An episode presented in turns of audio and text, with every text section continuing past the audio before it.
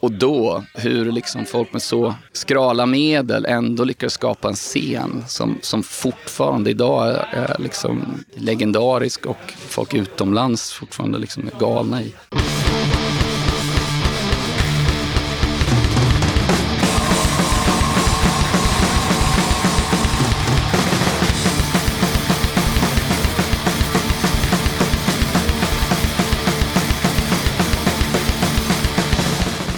Tjena! Du ska känna dig varmt välkommen till avsnitt 187 av Döda katten Podcast. Till den trogna lyssnaren av podden kan jag meddela att nej, det har inte gått 14 dagar sedan förra avsnittet, utan eh, detta är ett extrainsatt avsnitt, en så kallad shortcut. Podden besökte konstfestivalen Tranås at the Fringe den 7 och 8 juli i år. Festivalen som firade tio år hade lagt extra fokus på just punk de sista dagarna på årets festival. Det var flera författare av punkböcker som var på plats och snackade om sina alster på en restaurang i stan. Sen hade vi Peppe i I Shoot Raw Punk. Han hade utställning i Piratenhuset och eh, Thomas Haglund snackade om eh, Antistimex-filmen på Kultiveras högkvarter. Lördagskvällen kröntes med tre band som lirade på plan B. Moralpanik, Driftstopp och Rövsvett. Rövsvett firade 40 år som band och började med ett gäng låtar framförda av originaluppsättningen, vilket var första gången på 27 år och det kommer inte hända igen.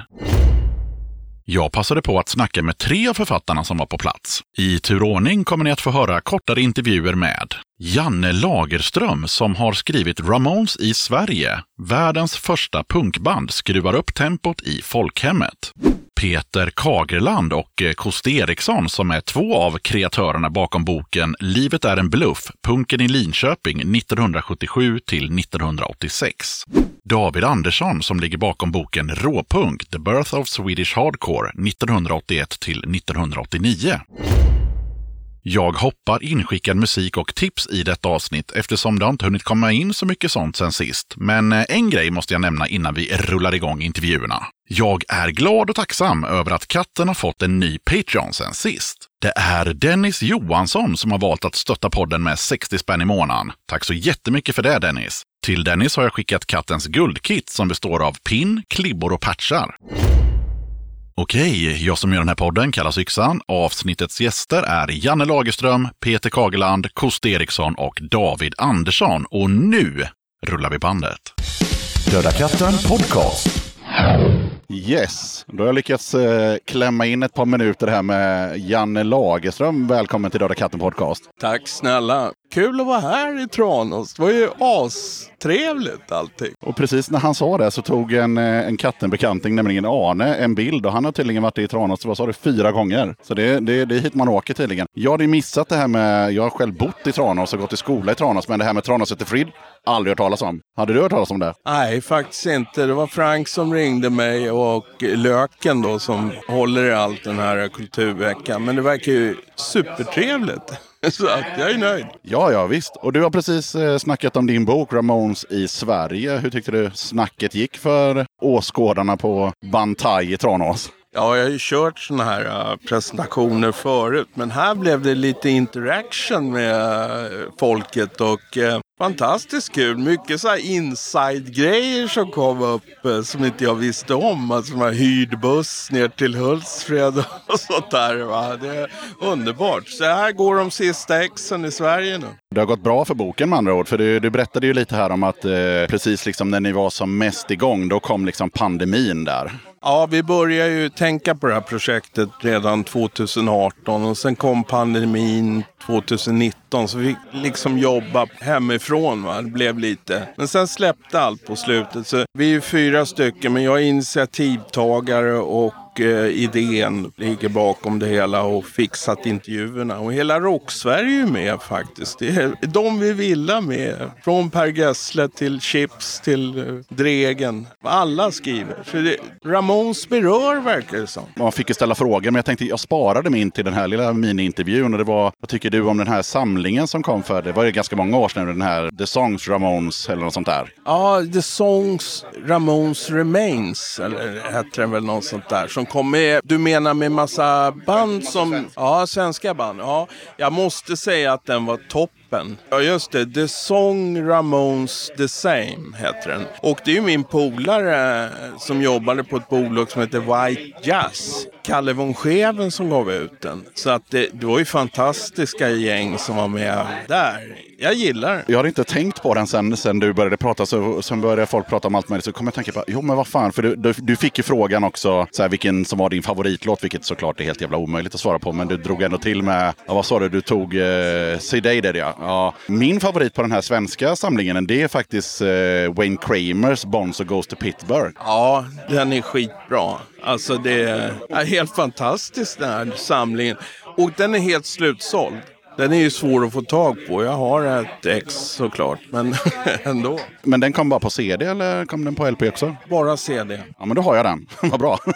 Man var ju tvungen att, att köpa. Ja, men fan vad kul. Så Ramones i Sverige. Och det, och det, för jag läste liksom så här, det finns ju massa böcker om Ramones. Så då, då bara funderade jag på, hur tänkte du så här när du bara, men jag gör en till? Eller var själva taken att det just var i Sverige? Ja, jäkla bra fråga. Jag har fått den eh, förut och den är lika bra varje gång. Men det är ju så att det har skrivits så många böcker och nu hade jag ju kontakter i Ramones-nästet, den närmaste liksom Joeys brorsa då, Joey Ramones brorsa som sa okej okay till boken och gett en fantastiskt bra intervju som vi kunde göra. Och även tourmanagern Monte Melnick som jag tycker har skrivit den bästa boken On the Road with Ramones. Men det är ju internationellt, men det har aldrig gjorts någon på svenska. Det var därför Ramones management tyckte det var okej okay och bra. Vi fick liksom helt okej okay att göra det. Va? Hur många spelningar i Sverige med Ramones har du sett? Det är en svår fråga. Nej, jag borde veta. Det är sju. En har jag sett. Det var i Hultsfred. När var det? 93? Ja, det är helt otroligt att de var där. Eh, så att det... Nej, men det är kul. Det är kul, allting. Vi tog med Roskilde också, ett gig där. Många hade mycket att säga om det. Och sen tog vi med Oslo-gigget, för det var på en Sverige-turné så tog de en stickare till Oslo och då revs hela scenen nästan. Och det står i boken också. Och det som, som Janne sa här i början också, det var det här med att det var en av gästerna som hade en fråga, eller frågan hade ett påstående. Han berättade att från Tranås 90 då till Hagadal så hade det gått en chartrad buss från Tranås till, till Hultsfred. Jag har egentligen bara en, en sista gästfråga till, eh, till Janne och det är, vad, vad tyckte du om den här karriären med Didi King? Uh, nej.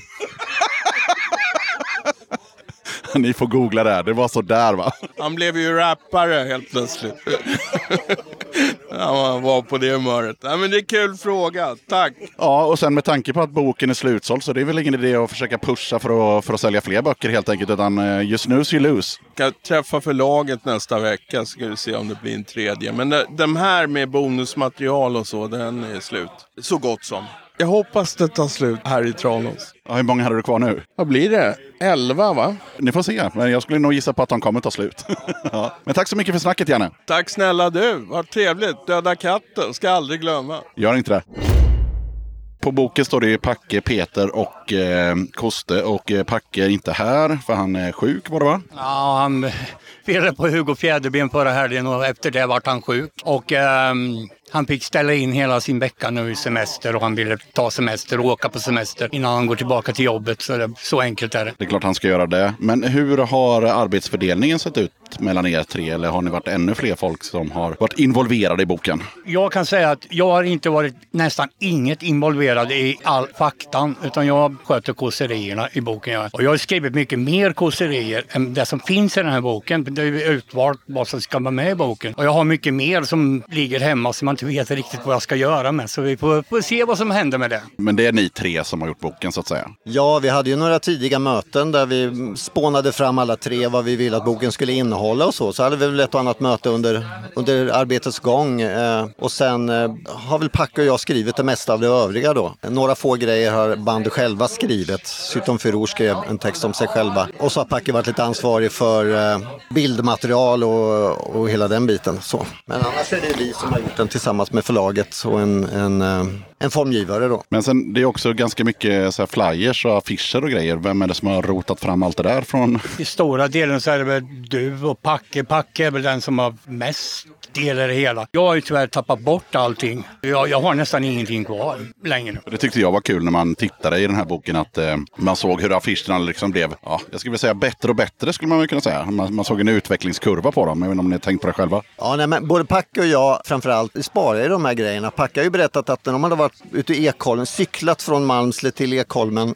De som känner till Linköping vet ju att det är en ganska långt. Men då åkte de via stan och plockade ner affischer som satt uppsatta på väggen och, och för att ta med sig hem liksom. Om det inte hade funnits någon på, på spelstället och sådär. Sen har det ju varit så att eh, folk har gjort av sig till oss. Vill ni ha? Vi har, jag har massa grejer sparade också så att vi har fått en hel del grejer också. Så det är långt ifrån allt som finns med där. Det finns ju hur mycket som helst. Man kunde ha gjort en hel bok bara med flyers och konsertaffischer och badgar och, och sådana saker. Sen är den ju lite tidsbestämd också, 77 till 86. Det är nog dels för att den tiden, vi är ungefär lika gamla, och vi, vi var med den tiden. Och sen, jag känner inte att jag kan blanda mig. Jag är ju, tillhör ju hardcore-scenen på ett visst sätt, men, men inte som till exempel David och, och, och de som, som ändå håller på med böcker och Anders som håller på med en film. Vi bestämde oss fram till 86 får det vara. Sen, sen får någon annan ta över därifrån. Så Linköping 87 och framåt, är någon annans jävla problem. Ja, jag hoppas ju det. För jag, men jag älskar alla de här böckerna. Jag, jag köper sådana här böcker även om jag inte gillar musiken. Jag gör sånt här Musiken i Kronoberg, sådana böcker liksom, där det kanske är fem sidor om rock, resten är dansband och dragspel och sånt. Men jag, jag, jag tycker om när,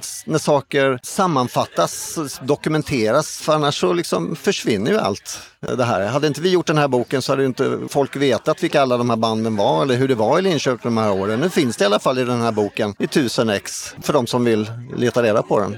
Förutom eh, eh, hans kåserier och så, Sen är det ju eh, lite, eh, en, en hel del bilder och sådär. Men eh, utan att berätta för mycket för, för läsarna, vad, vad är det man liksom får reda på i boken? Men vår tanke med boken var ju att försöka beskriva hur det var de där åren. Hitta den känslan. Springa runt på spelningar, lära känna massa nya människor, heja på folk på stan som man egentligen inte kände. Starta band och med allt vad det innebar som man inte ens trodde att man kunde och kanske inte heller kunde. Men man gjorde det i alla fall. Ja, men det, det var liksom den grejen vi ville ha. Så det vi har pratat om med banden till exempel, det är liksom hur var det i Linköping? Var det någon rivalitet? Samarbetade man? Ja, och vad repade ni? Och, ja, hur, hur var den karriären som ibland var ganska kort? Vissa band fanns ju bara något år. Sådär. Så vi ville på något sätt fånga fånga den känslan under de här åren. Och eh, som jag ser framför mig så finns ju boken kvar. Hur gör man om man vill eh, komma över ett ex? Det är ju en podd så det går ju inte.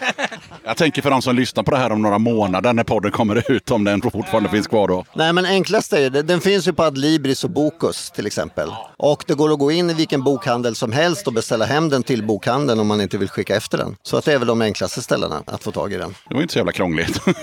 Koste glömde bort det där med internet. Där kan man ju gå in och köpa böcker också. Ja, ja. Men eh, för att summera det hela, är ni nöjda med, med boken och hur den blev? Blev det som ni hade tänkt? Ja, till absolut största delar. Vi, man får ju ge och ta lite grann när man jobbar med ett förlag. Vi har, förlaget har ju betalat allting så vi har inte tagit några ekonomiska risker. Och eh, formgivaren hade ju sina förslag så riktigt allting fick väl inte jag igenom men på det stora hela så är vi ju jättenöjda. Vi tycker att den sammanfattade tiden och vi tycker att den blir väldigt snygg. Det finns mycket att titta på, man kan bläddra och gå tillbaka. Liksom. Det, är, det är som sagt mängder av bilder och eh, alla de här affischerna på slutet, jag tittar på dem ofta.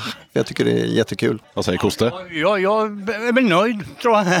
De har tagit bort några texter för mig som inte funkade och sen, ja men på det stora hela, jag säger som Peter, jag är nöjd. Har du någon aning om vad den tredje författaren tycker om slutresultatet? Han gillar den, han gillar den, det vet vi. Packe gillar den. Men han, han är väl som oss. Nu har den varit ute ett år snart, nu räcker det. Nu kan folk köpa den så, att det, det slut någon gång. Ja, har ni någon koll på Linköpings punkscen eh, 2023? Jag har ju inte bott i Linköping sedan 1987 egentligen. Jag bor i Norrköping så det är så långt ifrån. Så jag måste säga att jag har inte så mycket koll på vad som händer i, i Linköping, även om jag försöker. Jag, menar, jag hamnar ju på lite spelningar då och då, men eh, Koste vet säkert mera. Ja, det gör jag säkert. Jag vet nog säkert mer än honom. Ja, jo, jag hyfsat bra koll har jag allt, måste jag nog säga. Vad finns det för band? Vi har ju hela högen här bakom som, som är lika involverade i den. Men är du på några spelningar idag i Linköping? Ja, det är allt på en del faktiskt. Sen beror det lite på när och var och hur det är helt enkelt. Ja, om jag har tid, om jag kan. Annars är jag där. Då tycker jag vi avslutar med lite som ni var inne på. Det. Vi får hoppas att någon gör boken 87 till whatever. Det är på väg. Härligt. Tack så mycket. Ja, tack, tack, tack. Tack, tack.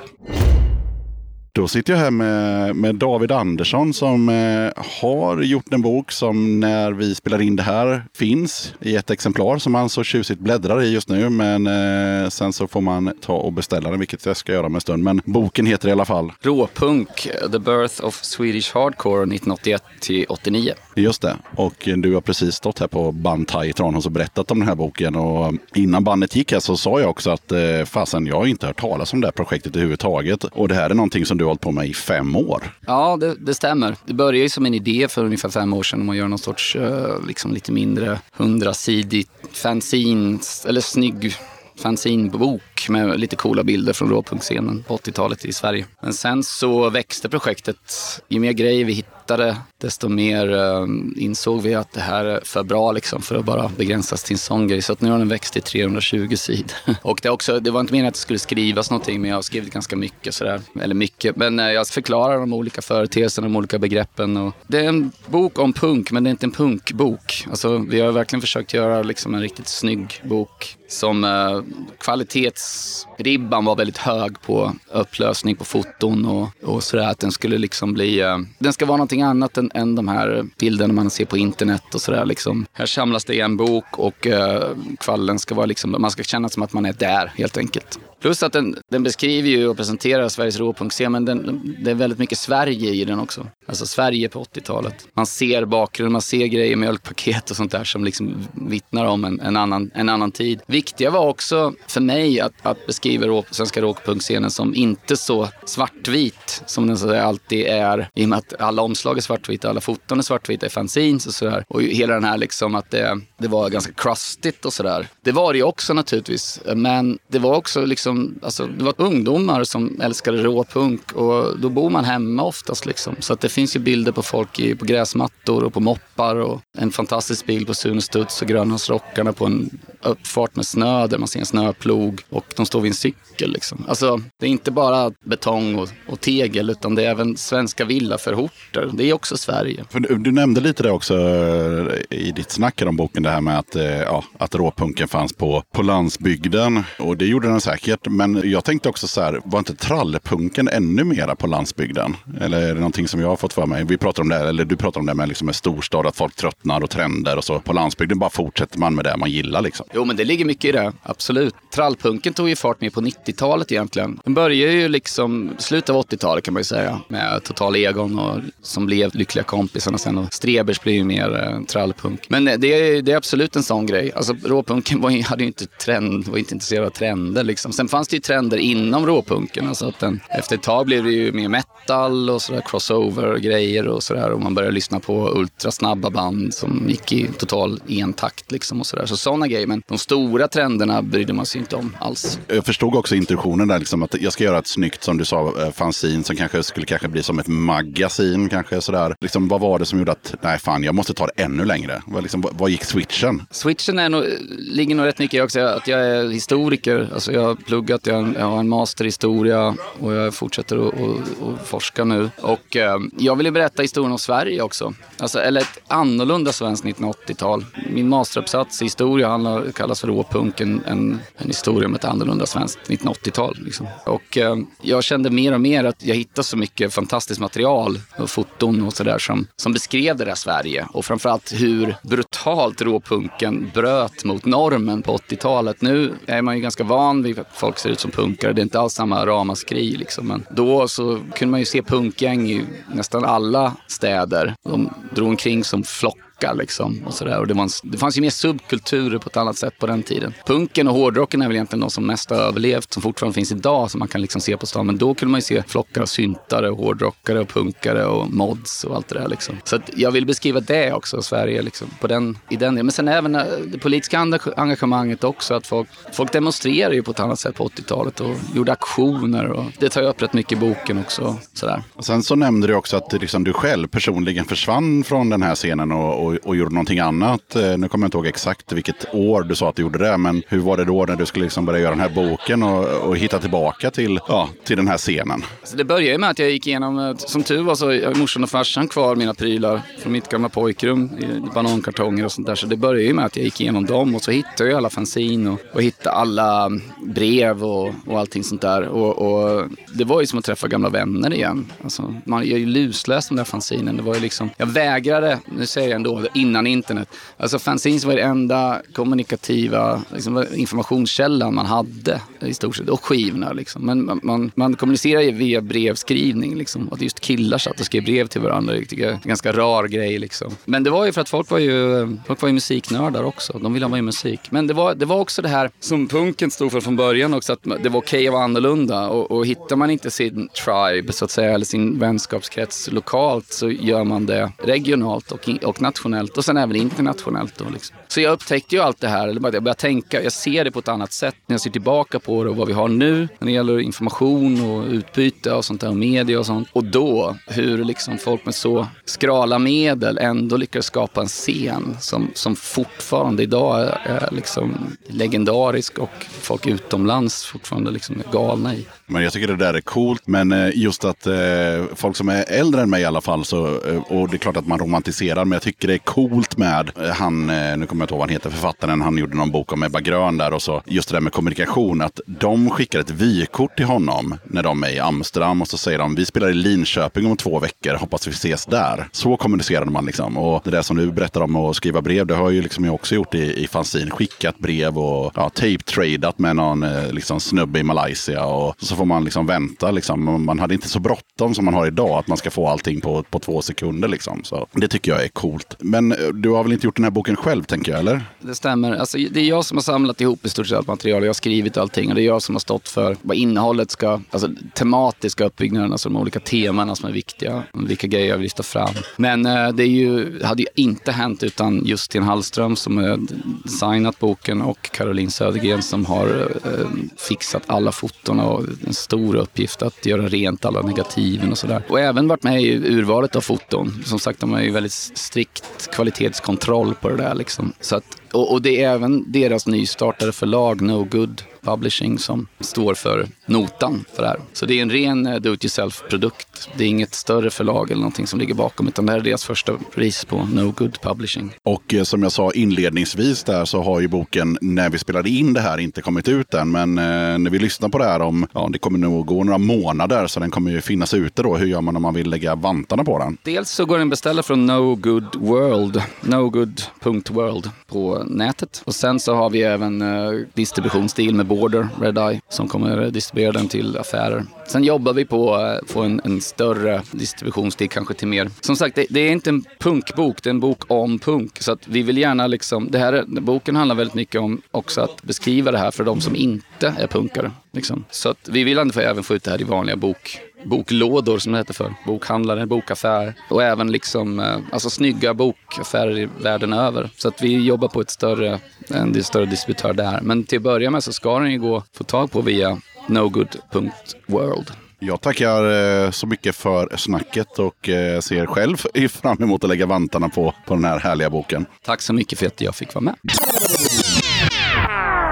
Då tackar jag som fan för att du lyssnade på avsnitt 187 av Döda katten Podcast. Kolla gärna upp Döda katten på Patreon om du vill stötta mitt arbete med den här podden. Det är ett enkelt sätt att stötta Döda katten, så om du har 15 spänn eller mer över i månaden så hade det varit guld värt om du valde att supporta podden. Som Patreon kan du ta del av lite extra material och köpa merch till rabatterade priser. Du hittar Döda kattens Patreon-sida på patreon.com dodakatten. Jag vill som alltid passa på att rikta ett megastort tack till alla er som är Patreons och hänger kvar och stöttar Döda katten. Det är extremt värdefullt för poddens fortlevnad och utveckling. Ert stöd uppskattas verkligen jättemycket.